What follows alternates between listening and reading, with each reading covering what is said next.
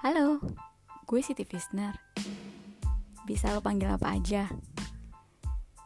Gue kepengen bikin podcast gue ini gak lebih dari jurnal pribadi sih. Jadi gue bakal cerita tentang tips-tips dalam kehidupan gue yang menurut gue bermanfaat dan gue berharap juga bisa bermanfaat bagi orang-orang yang mau dengerin.